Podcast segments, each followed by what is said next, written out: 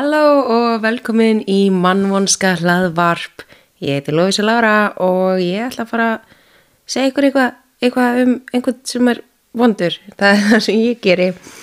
Um, afsækiði hvað að þátturinn er hans svolítið setn. Uh, ég, ég bara gjörsanlega er búin að eiga bílaða viku. Ég bara hafi gjörsanlega engan tíma í að skella mér í þetta fyrir núna og klukkan er þrjú um nótt. Það er það sem er að gerast.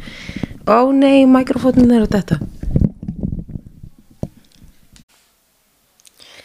Nei, það er bara gerðsannlega allt búið að vera að bila hjá mér. Ég er bara búin að vera uppistandast yfir mig öll kvöld nánast í vikunni. Það er kringlukast í gangi og ég vinn í kringlunni. Ég er búin að vera að vinna eins og brjálaðingur. Ég var, ég var að koma, ég var gestur í biobladri hlaðvarpinu. Uh, það var ósað skemmtilegt. Það var hérna ég, það sá þættir kemur út ég held að hann hafa sett 18. oktober og það er svona, já, ég er að tala um hryllingsmyndir að ég er með hérna hryllingsmynda á tína, en ég er svona mest að tala um hryllingsmyndir aðeins um podcastið og svona og alls konar, það var ósað skemmtilegt en guðminn góður, ég var sérst ég var að koma úr þeirri upptöku ekki núna klúan þrjú minútina en ég hérna ég, ég, við, við þátturinn eru þrýr tímar, við töluðum ógesla lengi og við hefðum örgulega getað að tala lengur saman. En hérna, já, bara klukka var á netlefu og já, ég þurfti að fara heim og klára máli mitt þannig að, en ég vonaði tjekkja á þeim þætti þegar hann kemur út og hérna hlustið á mig bladra um hryllingsmyndir eða hafi gaman að því Nú, ég vildi reynda að segja áður en að ég fer í máldagsins að hérna, ég fekk, ég fekk svolítið hérna, varðandi seinastu þátt, tóparturinn um Gregory Vilmón, uh, ég fekk uh, aðhauðsamt frá henni Ólöfbyrni vinkonu um, að því að hún bara sendi mér eða bara strax, ég var svona nánast nýbúin að posta þetta innum og þá bara kemur voice message frá henni og ég held að hún listi máli sko að því að ég var þannig að allt í henni komi ef að semdir ég alveg bara svona byrju hvað, það er svo mikið að tilviljunum sem að þurfti, hvernig vissu þau að hann myndi akkurat vera úti þarna? Og eitthvað svona veist, mér fannst þetta ekki meika sens og þá sendi hún mér sko, herðu ég held að það sem hefur gerst er að hann hefur farið, tekið strákin sinn og frænguna með að því að þau ætluðu greina bara að spyrja eftir honum fara með hann einhvert út að leika og svo myndi einhver annar kom á rænunum og hann brákuði það rændi einhver greggur, ég veit ekki hver það er ég hef ekkert með það að gera, skiluru það átti kannski að vera planið en svo var það bara tilhjulun að var það neitt núti þannig að gæti það hafa verið? Ég held að, ég held að Ólef hefur eitthvað eitthvað, já, hún hittir naglinu höfuð þannig að ég held að mig grunar að þetta gæti alveg passa það var, og svo fekk ég líka aðtöðsamdum hérna, sem ég ás mjög fyndi frá hann um makka vini mínum sem að hérna hann semur titilægið á þáttunum, hann hlusta á þetta og hann hefur verið að læra frönsku og hann rósaði mér, hann sagði, veistu, þú ert bara að bera fram mikið af þessum frönsku nöfnum og orðum alveg rétt og þú ert alveg betri að bera fram frönskuna en íslenskuna, þannig að það, það þótti mér vandum, ég var skaman að segja það, ég kann ekki stakt orði í frönsku en ég gerði bara mitt besta.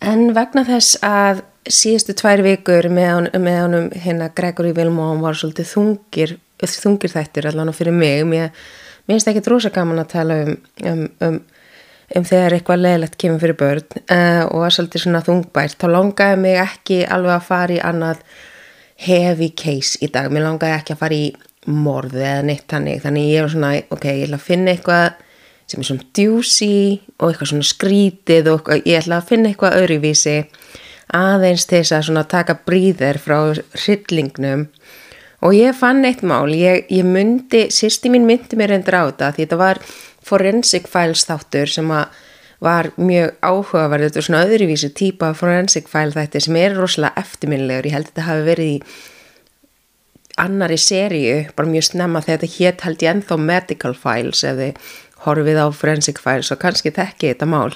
En ég var einmitt bara svona já, ætlið að sé einhverja meiri upplýsingar búin að koma eftir að þessi þáttur, hann að hafa komið út 94 eða eitthvað, ég manna ekki allan að 1996 kannski, nei 94 gerðist málið, þetta hefur kannski verið 96 eða 8 ég, ja, skiptir engu. En hérna, já þannig ég gróf svolítið upp þetta mál og hérna, já þannig að þetta er svona ég ætla ekki að spóila því neitt, mér langar bara að vinda mér í það og ég held að ykkur muni, eh, ég held að þið muni fíla þetta ferðalag, þetta er, þetta er svolítið ferðalag. Hann ég voni að vera með mér hlustið og komi ykkar skoðanir á þessu. Um, ég reyndar fattaði ekki fyrir en ég byrjaði að hérna, skrifa máli, það var svona smá svip, svipað og hérna ég vil mó málunu, æ, veist, þið, þið sjáu þetta eftir, veist, hérna, herri, skulum bara vind okkur í þetta, ok. 1993 í Pennsylvania í bandreikjunum í Coolbock Learning Center sem var almennu barnaskóli á svæðinu varði upp í fótur og fytt þegar skólastjórnum byrjaði að berast fréf, bref með ásagandir á hendri einum kennarunum. Ásaganum voru alvarlegar. Í einu brefni stóð að kennarinn hefði komið kannabis í skólan og var að sína það á kennstustöfunni bara eins og ekkert var. Þetta kom skólastjórunum verulega ávart því að kennarinn sem umrætti var afar virtur og vinsæl kennari. En kennarinn hétt Joanne Chambers. Joanne hefði kent í Coolbock Learning Center í fjögur ár og þegar hún var ráðinn þá var hún með einstek meðmeli frá fyrir skóla. Það var sérstaklega tekið fram hvað Joanne var faglegur kennari og einstaklega skipulögði í sinni vinnu. Joanne var vinsal hjá börnum og fóruldrum í skólanum. Hún var heldur óhauðbundin í námstækni en notaðist mikið við dans og söng til þess að kenna sem að nefndunum hennar í fyrsta bekk þótti einstaklega skemmtilegt. Og mér finnst lífum að ógísla skver. I'm a cool teacher. Nei, ég veit ekki, það gaman, þetta er svona lillgrakar, það verður ekki eins cringy, þetta er svona vandræðilega, þetta er úlingar og verður eitthvað syngjandi í kennarin en þetta er fyrstu bekkingar það finnst það mjög, mjög, mjög skemmtilegt. Eh, en á sumrin þegar það var heitt úti þá hófum stundum vassblöruslag við stjórnendu skólan sem að börnunum þátti náttúrulega bara dásamlega að fyndi og það ljómar ég mitt er reynda bara mjög skemmtilega. En hún bara virkilega svona hress og skemmtilur kennari. Hún endaði hverja kennslustund með að segja þið eru frábær og falleg og veiti hjarta mínu hamingu Skólastjórun átti erfitt að trúa þessu upp á Joanne en brefi var ítalegt og gaggrindi harðlega Joanne sem kennara og hennar personu. Skólastjórnum varð bara hreinlega að ræða við hana út af hversu alvarlegar ásökanina voru. Joanne kom að fjöllum. Hvað í ósköpunum? Hún sagðist alls ekki reykja kannabis og hefði aldrei nokkuð tíma að vera með neitt slíkt á skólalóðinni. Hún las brefin og var sammála skólastöra um að það hlýti að vera einhver annar kennari sem hefði skrifað þessi bref. Þessi manniska virtist vita of mikið um skólan, Joanne og það sem gekk á þar til þess að vera bara einhver utanakomandi. Hún skildi ekki hverju óskupunum gæti að hafa sendið þetta. Frá hennar sjónarhóttni þá líkuðu öllum vel við Joanne. Kennarinn er líka. Hún gæti spjalla við alla og hún vildi, hún taldi að henni kom vel saman við alla. Hún hugsaði að vonandi myndi þessi aðili gefa sér fram við hana og þau getur leist málið saman og talað um þetta. Joanne var alls ekki þessi manneskja sem brefskrifandin lísti, algjörlega öfugt. Skólastjórn var nú sammála. Joanne hefði aldrei sínt hennar hegðun sem rýmaði við það sem stóð í brefnu. Ákvaðan því að aðtafnast ekkert meir í málnu, vonandi var þetta bara einhver ljótur hekkur. En þegar dagarnir liðu byrja að byrtast fleiri bref, gjörsamlega út um allt. Skólastjónum fekk fleiri bref og aðrir kennarar fengur líka bref og einni var þeim dreift á gongunum í skólunum. Þetta er allt meinirðisbref um Joanne. Í brefinu var talað um hvað Joanne var í grimm og vond manneskja og, hún, og að hún ætti við áfengisvanda að stríða og væri ofta að drekka í tímu með börnunum. Í brefunum var gaggrínt það að Joanne klættist í gallaböksnum og mikka músbólum í tímum og líka voru vasslæginir gaggríndir. Mér finnst líka mjög hallarinslegt að vera einhver svona mikka músbólum en þú veist, ég mun að úr kennari fyrir sexur og þá bara gerur það sem vil. En bara þú veist, Disney og Dolt er svona aðeins, nei, ég er að grýst. Um, hún var kallið tík í brefunum á samt alvarlegur alvarlegri ásökunum eins og með áfengis kannabisvandan og einnig gaf brefskrifarinn í skín að Joanne misnotaði börnin. 14. mars 1994 opnaði Joanne skrippbórskúfuna sína í skólastofunni og fann þar tóma viskiflösku. Joanne var bröðið. Hún átti ekki flöskuna. Hún hugsaði að brefskrifandin væri núna reyna að láta það líti út eins og það sem stæði í brefunum væri satt. Hún skoðaði betur í skuffuna sínar til að aðtuga hvort hún fyndi eitthvað fleira eða hvort að sökudólgurinn hefði tekið eitthvað. Hún tók eftir því að mynda hennar sínir hennar var stólið úr skuffunni. En Joanne var gift og átti tíu ára gamla svona á þessum tíma. Áreitið á Joanne jógst og byrjaði Joanne líka að fá bref heim til sín. Skindilega voru brefin byrjuð að hóta Joanne að meiða hana eða eitra fyrir henni. Símin hennar byrjaði að ringja heima hjá henni ítrekað en svo bara skellt á. Í einu brefi stóð, ég þarf bara eina tilraun til þess að ná þér, engi mun sanna að þetta var ég, þið haldið það kannski ekki en ég er klárar en þið öll heimska tíkiðinn.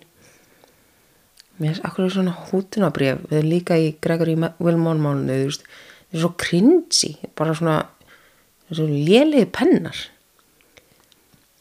Í öðru brefi sagðist brefaskrifarinn hafa fengið fjögur tækifæri til þess að eitra kaffið hennar í vikunni og gaf í skinn að hann hefði kannski sett eitthvað í kaffið hennar. Og var eitthvað I had four chances but did I do did I? Eitthvað svona, veist, mjög creepy og þægilegt Dreift var fleiri brefum á kennara, skólastjórn, fóreldra og meira segja var sett bref fyrir utan matverubúð í hverfunu. Í brefunum voru myndir þar sem andlit Joanne var límt á klámfengar myndir og ljósitað þannig að það leiti út eins og þetta var nektar á klámyndir af Joanne. Sem er, allt þetta er bæðu skelvilegt. Ég bara, já, ég, þarna myndi ég alveg flytja úr landi eða eitthvað. Myndin sem var notið var andlitið, sem, myndin sem var notið sem andlitið var sama mynd og stólinn úr skúfun en á Joanne. Á einni myndinni stóð, þetta er ekki búið, þú deyrð. Þetta gekk á í mánuð þar til einn daginn fyrir Joanne skó, inn í skólstónu sína.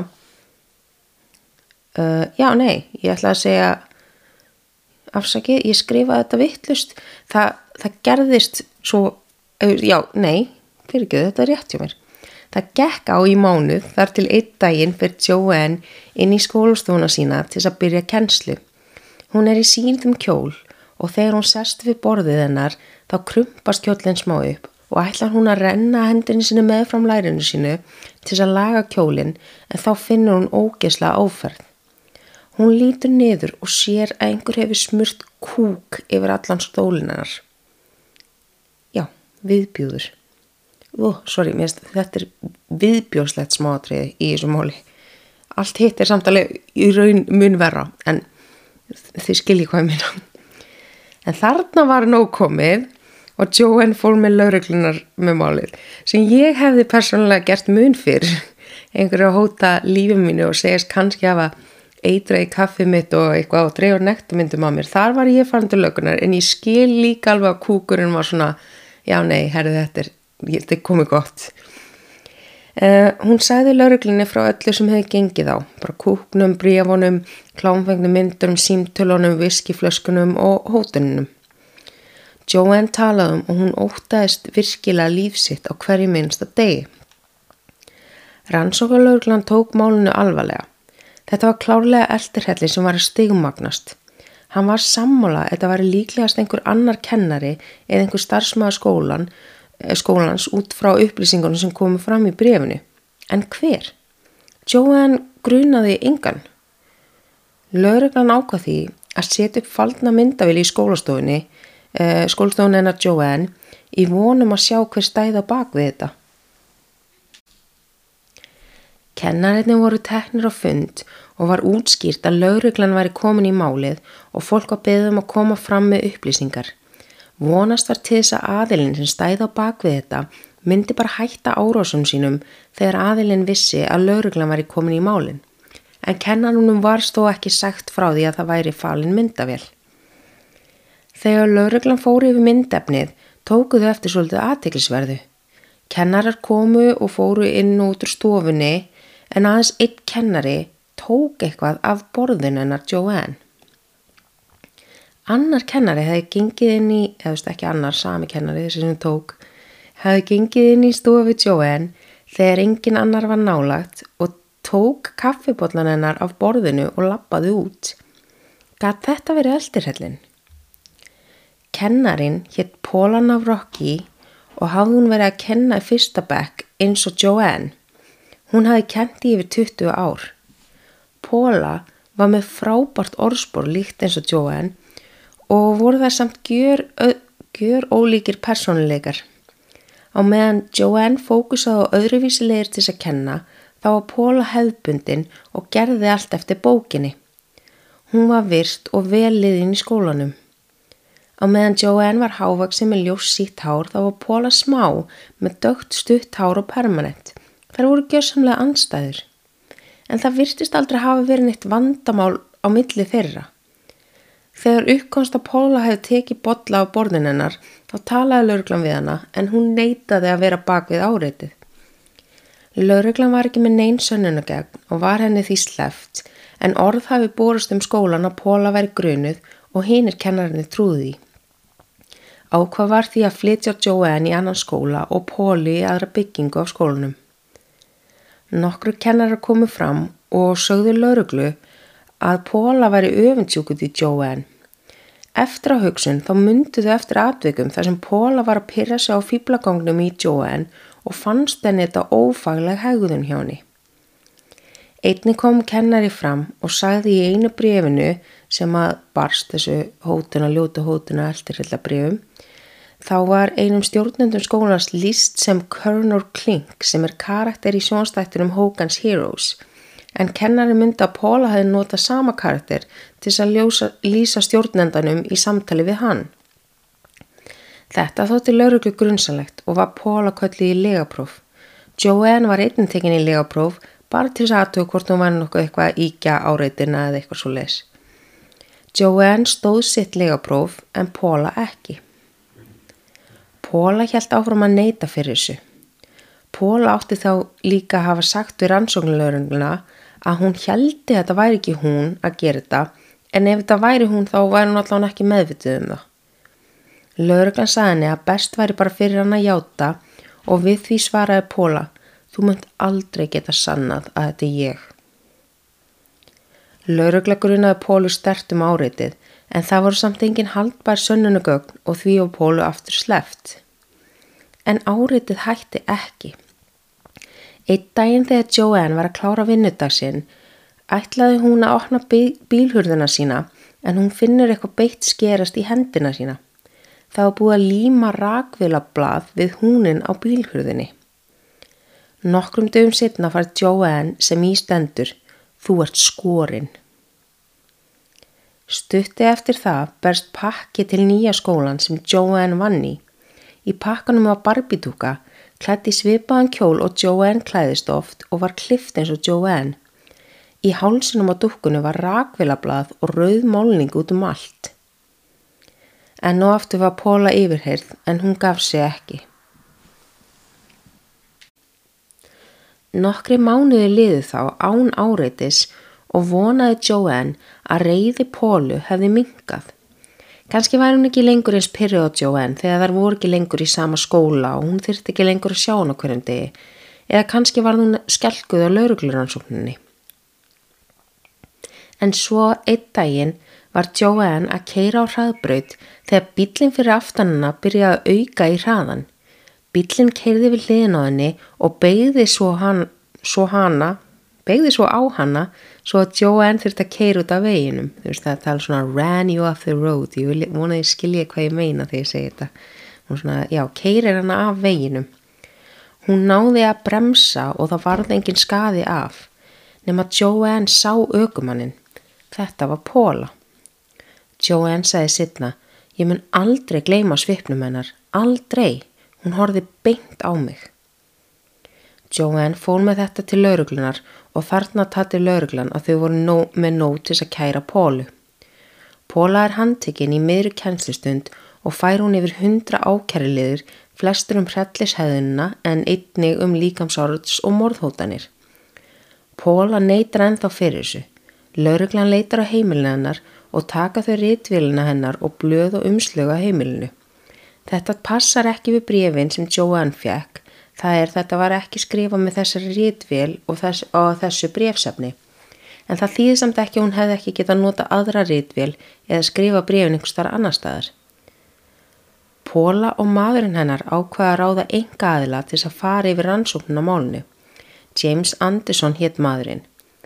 James fór yfir málið og hann var ekki viss hvort hann ætti að taka það á sig. Hann trúði því að Póla væri líklega seg og væri eldirhellirinn. Póla stakk þá upp við James að hann framkvæmdi DNA rannsókn á umslögunum og frímerkjunum á brífunum til þess að sanna að hún hefði ekkert með þetta að gera. James var hikandi með þetta. Hann sagði Pólu að í það fyrsta þá væri þetta kostnaðasamt og hún, hefði, hún myndi þurfa að borga þetta úr einu vasa en einnig að ef að þau, það finnst eitthvað DNA af henni á þessum brefum þá er hann skildur að deila því með saksóknara og það yrði verulega hættulegt fyrir vörðin hennar Pólu. En Póla stóð först á sínu. Hún vildi bara losna undan þessum ásökunum.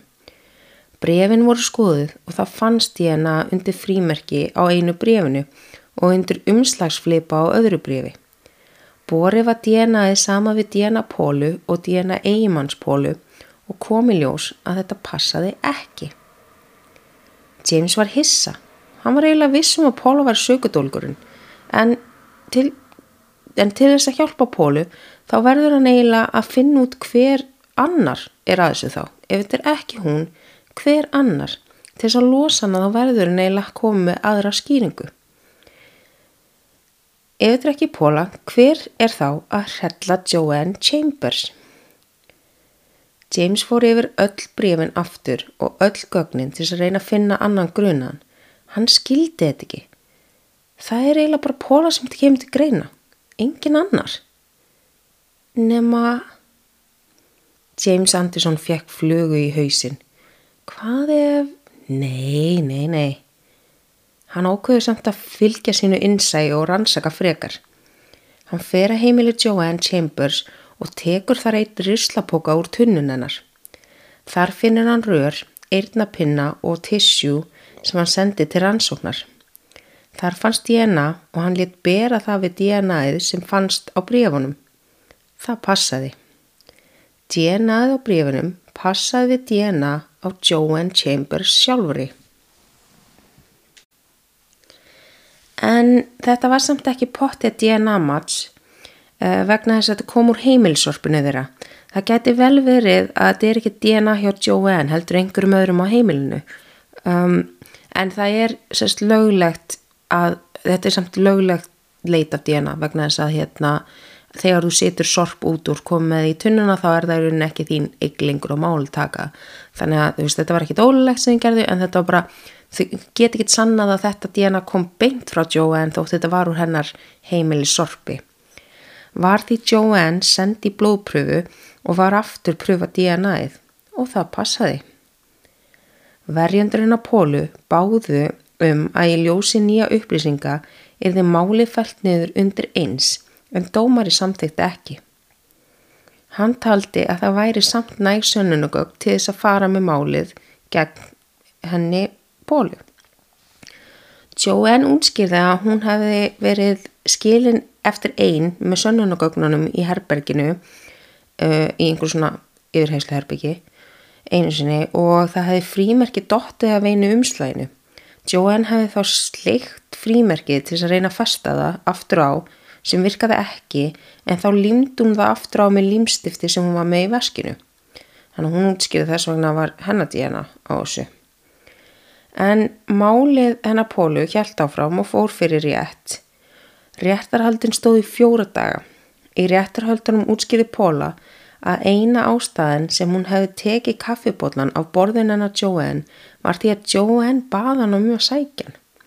Og þegar myndbandi var skoðað þar sást að fyrir myndbandinu voru Póla og Joanne saman inn í stofunni að tala saman og léttu nótunum að það virtist. Þar lappa svo saman út úr stofunni en augnableki setna kemur Póla aftur inn og næri í botnan sem virkar svona, þetta virkar rosa mikið eins og það eru að spjalla, svo er það að fara út og eins og Joan hefur verið bara, æ, guð, æ, ég glemdi bollan, en það náði bollan fyrir mig, þú veist, það virkar svolítið þannig og hún fer inn, hún tegur bara bollan bara mjög casual, lappar út, ég sá þetta myndband, þú veist, það virkar rosa mikið, hún er, er ekkert eitthvað lítið kringum sig að gera neitt, hún var með Joan hana inni, þannig að þú veist, hún bara kemur rétt aftur inn og tekur henn á bolla, þetta svona virkar ekki eins og hún hafi verið, þú veist, þegar Joanne er líklegast bara beint fyrir utan eitthvað því hún var að labba út úr stofinni þannig að þetta er svona já, mér, mér fannst þetta virka allavega rosa mikið þannig og þetta virka svolítið eins og Joanne beður hann um að segja bollana því að Joanne vissi af myndalinn inn í, inn í hérna stofinni sinni en uh, hún náttúrulega Póla vissið ekki. Kom einn í ljós að ligaprófið sem Póla var sendi var mun ítalega en það sem Joanne fór í og það gæti útskýrt veg af hverju sérst Póla fjall og Joanne ekki? En auðvitað eins og ég langar ekki þurfa að taka þetta fram að því að ég þól ekki öllum svona hlaðvörpum þegar það kemur upp eitthvað legapróf þá þarf alltaf að koma svona lítir ræða. Já en legapróf eru ekki áreiðileg bladi bla. Við vitum bara það öll þannig að við skulum bara ekki teka pæla of mikið í þessu legaprófi tóti uh, en ég tek það samt bara fram út af því það var svolítið mikil ástæða fyrir því að fólk trúði að þetta væri póla var legaprófi var svolítið svona hennafalli Engin annar var vittni af Pólu keira Joanne af veginum. Einni útskýrði Póla að, uh, að tekið hefði verið úr samhengi þegar hún létt frá sér umvælinn við laurugluna að þau myndi aldrei sanna að þetta væri hún. Þú veist það mér líður líka þegar svona, að að þetta hljómar að legu svona bara ekki að já, þú veist, ef ég gerði þetta var ég ekki með þetta um það og, þeir ekki, við myndum aldrei sanna þetta var ég, svona hljómar eins og hún var að segja þú veist, að þau geta ekkert sann bara prúfið eitthvað þú veist. En svo þegar ég svona pældi þessu tilbaka þá svona hún, þau eru að segja venna þú fjálst á legaprófi þú gerður þetta og gerður þetta. Og hún er eitthvað svona ég veist ég, ég ef ég er að gera þetta þá er ég ekki meðvitið um það þú veist bara svona að því ég, ég er ekki að gera þetta. Þau getið ekkert sanna að ég er að gera þetta því ég er ekki að gera þetta það geti verið þannig skilur ekki eitthvað svona já þau munu aldrei sanna það þú veist Þannig að hún eiginlega útskýrði að þetta hafi verið eiginlega bara svolítið tekið úr samengi þessi ummali. En eins og kom áður fram þá pössuðu brefin ekki við rítvöld Pólu en það var aldrei testa rítvölin hennar Joanne. Samstarsfólk úr skólanum kom fram og lístu allir Pólu sem indisleru konu sem hefði ekkert atvík á sinni ferli sem var í samhengi við þessa hegðun. En þegar kannan var fortið Joanne Chambers kom annað í ljós kom fram að Joanne var þekkt á lauruglustöðunni í nærlegjandi bæ þar sem hún bjó áður þar sem að því hún var alltaf að leggja fram kvartanir, þú veist að einhver var stólið, eitthvað var skemmt, einhver var áritana en það, það, var, það var alltaf eitthvað skrítið við málið, það var aldrei neina önnu vittni en bara hún sjálf og var hún þá þekkt á lauruglustöðunni fyrir svona fornalambaleik og aðtiklisíki. Það sem var eitt áhrifamesta augnabliki í réttarhöldunum var þegar skólastjóra í skólanum sem Joanne kendi áður í uh, sagði að Joanne hefði eins og beðið um að fara fyrir úr skólanum heim að því að einhver hefði makað saur á sætið hennar. Það er svolítið, veist, hversu oft lendur ein manneskiði að það er makað saur á sætið sitt.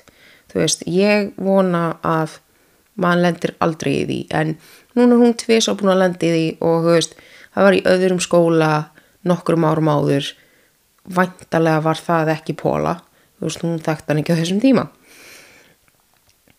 Einni komu fram aðri kennar úr gamla skólanum sem að báru vittnum það að Joanne hefði ásakað þau um áriði í eitt skipti voru sjö kennarar kallaði til skólastjóra vegna þess að Joanne hefði ásakað þau um að hafa sendt henni hótunabref og hótað að brenna niður húsið hennar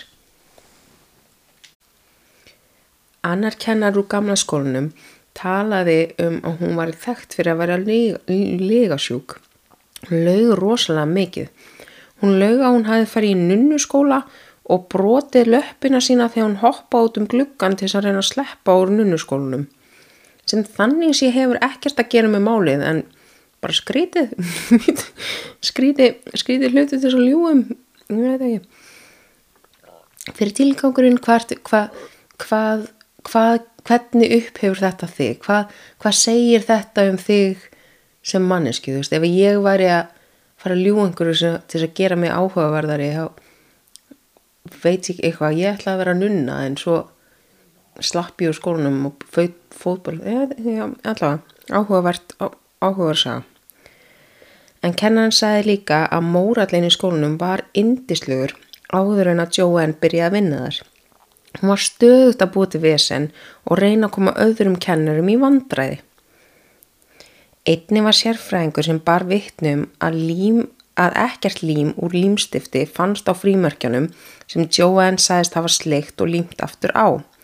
En hún líka útskýrði ekki, hún útskýrði bara með frímörkið, hún útskýrði ekki okkur að þetta finnast í en aðeins á flipanum og umslæginu sem var á öðru brefi.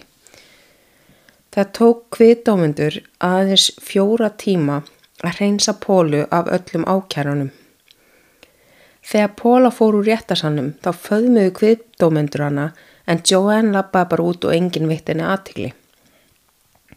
Þetta var undarlegt mál þar sem komi fram við grunaðan einstaklingi eins og fórnalamb og fórnalambi eins og grunaðan.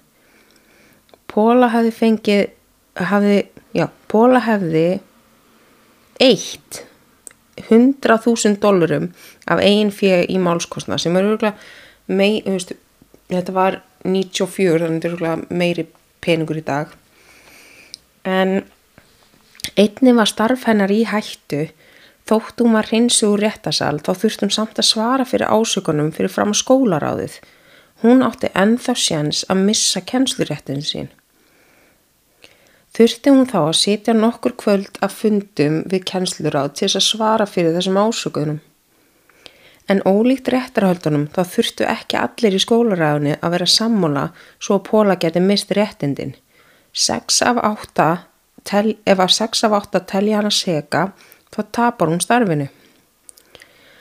Skólaráði tók málinu virkilega, virkilega alvarlega. Fundurinn opnaði með formanni sem sagði Þetta mál er undarlegasta og sorglegasta mál sem við höfum fengið upp á borð. Þið munu heyrum 41 ógeðsleg hótunabref, þið munu heyrum blóð, saur, rakvélablöð, barbidúku og nektarmyndir. Allir sem tengjast málinu eru sammála um að umvararæða eldirhelli og sá sem ber ábyrð á því þarf að vera ríkin. En nú þurfum við að vita hver gerði þetta og hver ber ábyrð á þessum ósóma. Máli var mjög svipað úr réttarhöldin og var pólafundin saglaus og fekk að halda sínum kjænsluréttindum sem betur fokking fyrr ég var einhvern veginn vissum og myndi einhvern veginn missa réttindi sín samt að því að það er bara einhvern veginn ekkert réttlæti í heiminum. En allir fögnuði þú veist þetta voru opin réttarhöld opin fundur og það var bara fullt af fólki sem safnaði saman að því að öllum fannst þetta super áhugavert mál og allir fögnuði þegar það var tilkynnt að hún fekk að halda réttindum en þeir búiði þegar það var talað um Joanne en engin sönnunum gegn voru gegn Joanne heldur og fekk hún þá líka að halda starfinu sinu og halda áfram að kenna. Málið hafi gríðarlega áhrif á Pólu, ekki aðeins fjárrakslega en andlega. Maðurinn en á Pólu talaði um áfallið sem hann var að þurfa að lesa um handtökuninnar í blaðinu. Eða, veist, hann vissum var í handtökin en þá óstum ekki áfalla opna svo blaðið morgunin eftir og bara þetta, þetta er komin í fjölmiðla, þú veist. Það er bara að lesa greinum eitthvað kona en hafi verið handtekinn fyrir að smyrja saur og skera barbit og þú veist, bara ég get ekki ímyndið mér að vera í þeirri stuði uh, og líka bara áfalli sem var að þurfa þá að svara símtölum frá bladamönnum sem voru olmur í að fá aðtöða sem frá pólu eða manninu mennar Hann talaði um og honum fannst þau ekki eiga vin í heiminum og þau hafi verið hunsuð á íþróttalegjum hjá stráknum sínum og Póla þurfti að setja einn í hátegislíðum í skólanum. Um tíma þá trúðu þessu allir að Póla hafi verið staðið á bakvið þetta. Það var í rauninni ekki fyrir henni í réttarhaldunum sem að fólk sá að hún hafði ekkert með þetta að gera. Fóreldra batna í bekk Pólu bá, báðu um að færa börni sín í annan bekk. Póla kerði því Joanne og skólan fyrir skadanum fyrir 9 miljón dollara en enda upp að taka uh, tilbúið upp á 600.000 dólarar frá skólanum og 25.000 frá Joanne. Ég veit ekki af hverju hún, hérna, það var kannski bara talið þú færi fyrir réttarhöld á myndum kannski ekkert fá eitthvað mikið, hún geti kannski ekki fengið mikið meira og það var svo mikið málskostnaður það var kannski áhætt að fara í annað mál. Um, þannig ég held hún hafi bara ákveðið að taka þessu þá ætla hann að dekka þetta kostnaðin, veist, þetta dekkaði virkulega bara málskostnaðin en það er eitthvað aðeins meira og veist, tap á launum. En def, bara, þetta var klálega ekki e, beint skada bætur eða þú veist þetta bætti fjárrakslega skadan allavega Póla kerði líka laurugluna uh, en lauruglan vildi ekki reyna að komast á samkómulagi og vildi bara fara beint í réttarhöld og Póla tapaði málunu. Uh, það kom fram í máluna að Póla var eina af kennarunum sem tapaði legaprófi. Þau, þau tók alveg fleiri kennar í, í legaprófi. Hún var eina sem tapaði og því var raugrætt að hún var eingrunuð og þau voru bara að gera vinnunum sinna og töldu hann að vera að sega á þessum tíma. Þannig að það var rauninni sagt, þú veist, já, ok, hún var saklaus en lögreglan var bara far eftir vinnurreglum og þetta var eiginlega eina, þú veist, það var ekkert óröggrétt að þau hugsuðu, eða þú veist, heldu þetta en eftir að þetta allt hefur gerst þá hefur Póla veitt viðtal fyrir Forensic Files uh, þar sem ég sá þennan þátt eða Medical Files eins og þetta hétt þá og Dateline, ég fann ekki hennar Dateline þáttur endar en hún hefur, hún segir samt, hún hefur sé, sagt að hún sér alltaf eftir að gefa svona viðtöl vegna þess að þú veist, þegar hún gerir það þá opnast alltaf á, þú veist, einhverju efesendir, það er alltaf þá einhverju sem er eitthvað svona, jú, veistu, ég held þetta sé pól, þú veist, en hún henni líður alltaf bara illa að vera að opna þetta málaftur, þú veist. Um, og það er í rauninni ekkert vita hvað varðum pólu það, finn, hún er ekkert menina samfélagsmiðla að opna, það er eiginlega ekkert að finna um hana. Eh, en það bara vir, virðist eins og hún hafi haldið sér á svæðinu og bara haldið áfram að kenna. Uh, en hún hafnar öllum viðtalsbónum í dag, hún vill ekkert tala um þetta meira. Og þess vegna er mér smá samanskupið að ég er að tala um þetta núna. Ég er svona á, hún vill ekkert tala um þetta. En ég er á Íslandi. Ég held ég að ég sé ekki að fara að hafa mjög mikil áhrif á lífið hennar. En Joanne Chambers kom einni fram í Forensic Files og hún gaf einhver viðtöl en hún neytar fyrir að hafa borið ábyrð á að eldurhella sjálf á sig. Og hún kjælt alltaf fram að þetta hefði verið Póla hún bara stóð fest að þessu bara, hún var ekki að gera þetta, þetta á Póla klálega um, hún verðist einnig haldið áfram að kenna en 2012 þá byrstist greinum hana þar sem var verið að deila um ráðningu hennar í skóla þar sem hún fekk frábær meðmæli Uh, en Google leit náttúrulega gaf upp fortíðin hennar þannig að það var verið svona deilum það hvort hún ætti að fá ráðningu í þessum skóla, það var allan 2012 en ég hugsa hún hafi samt, hún var alveg að kenna uh, áfram og það er alveg, ég sá það var einhver sem sagði bara já, hún búið að hjálpa óksla mikið að börnum með sérþarfir og svona dót. Þannig að þú veist, hún virkar eins og hún sé, já bara en þá kenna og bara já, ymmit og bara hjálpa börnum, það, það er bara jákvæmt, það er gott að hjálpa börnum. En í raun er þá bara spurning hvað ykkur finnst, haldið þið að einhver annar uh, ber ábyrðis og ég held alveg persónulega ekki að, ég held að Póla hafi bara ekkert með þetta að gera.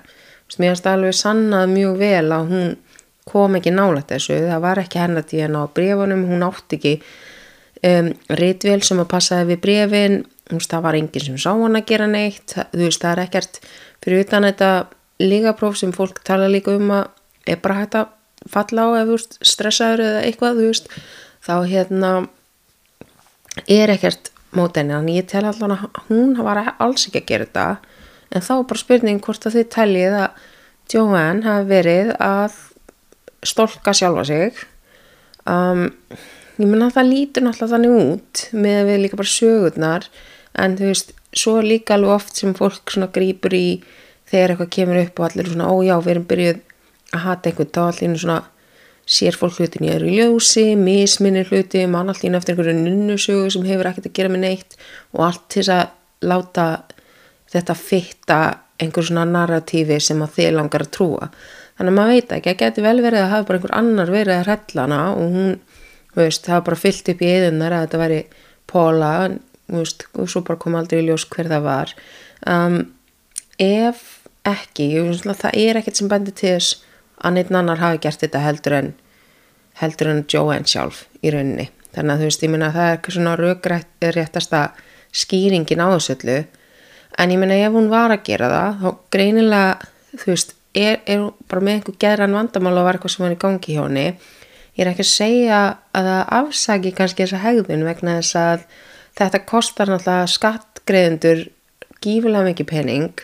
Þetta var ógeðslega mikið álag bara á líf fjölskylduna Pólu og Pólu sjálfu, sjálfa. Þú veist, náttúrulega bara rústaði svolítið lífinni hennar.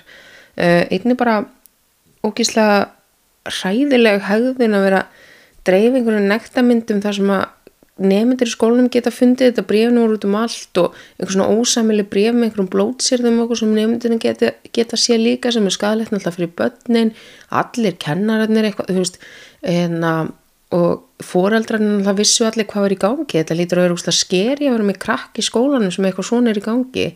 Þannig hún var að valda alveg verulega miklum usla fyrir, ef ég segi innan gæslepa aðteglisíki en þú veist að greinilega hefur verið eitthvað svona eitthvað að um, hjá henni. Og hún virkar eins og allan að kom ekkit upp eitthvað svona fleiri sögur, þú veist eitthvað, ó já, hún fór svo bara að kenna í þessum skóla og nákvæmlega saman hluti gerðist eða hún fór að aftur að ljúa að hún var í nunna eða eitthvað, þú veist. Það, það, var, það vor, ég fann engar eitthvað þannig sögur og það hefði haldið áfram eitthvað svona hegðun af legasíki og eitthvað svona. Þannig að, þú veist kannski bara er hún búin að vera að lifa lífinu sinu sem bara, bara samfélagsleg sem er að gera góða hlut og hjálpa börnum. Og það var kannski bara eitthvað hræðilega erfið tími í hennar lífi sem að hún vil ekki tala um lengur. Þannig að já, núna er ég með samanskupið fyrir ég fór að tala um það. Því okkur ég alltaf inn þá að minnast þetta? Okkur má ekki lefa þeim bara að gleyma þessu? Hver er tilgangurinn, af hverju tók ég þetta mál fyrir? Um, annað en bara mér fannst það áhugavert. Mér slegilegt að ég gera þetta.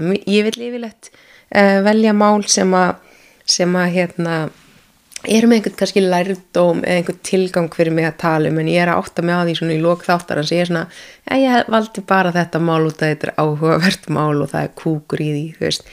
Það er nú kannski ekkert rétt, en já. Maður gerir mistök, maður lifur og lærir ég var stressuð og ég hafði ekkert mikið tíma að pæli hérna hvað ég ætlaði að velja fyrir þennan þátt bara út af tímaleysi. Uh, ég vona ekki fann samt sagan skemmtilega þótt að núna er ég með samviskupið gagvert viðfangsefnunum í þættinum.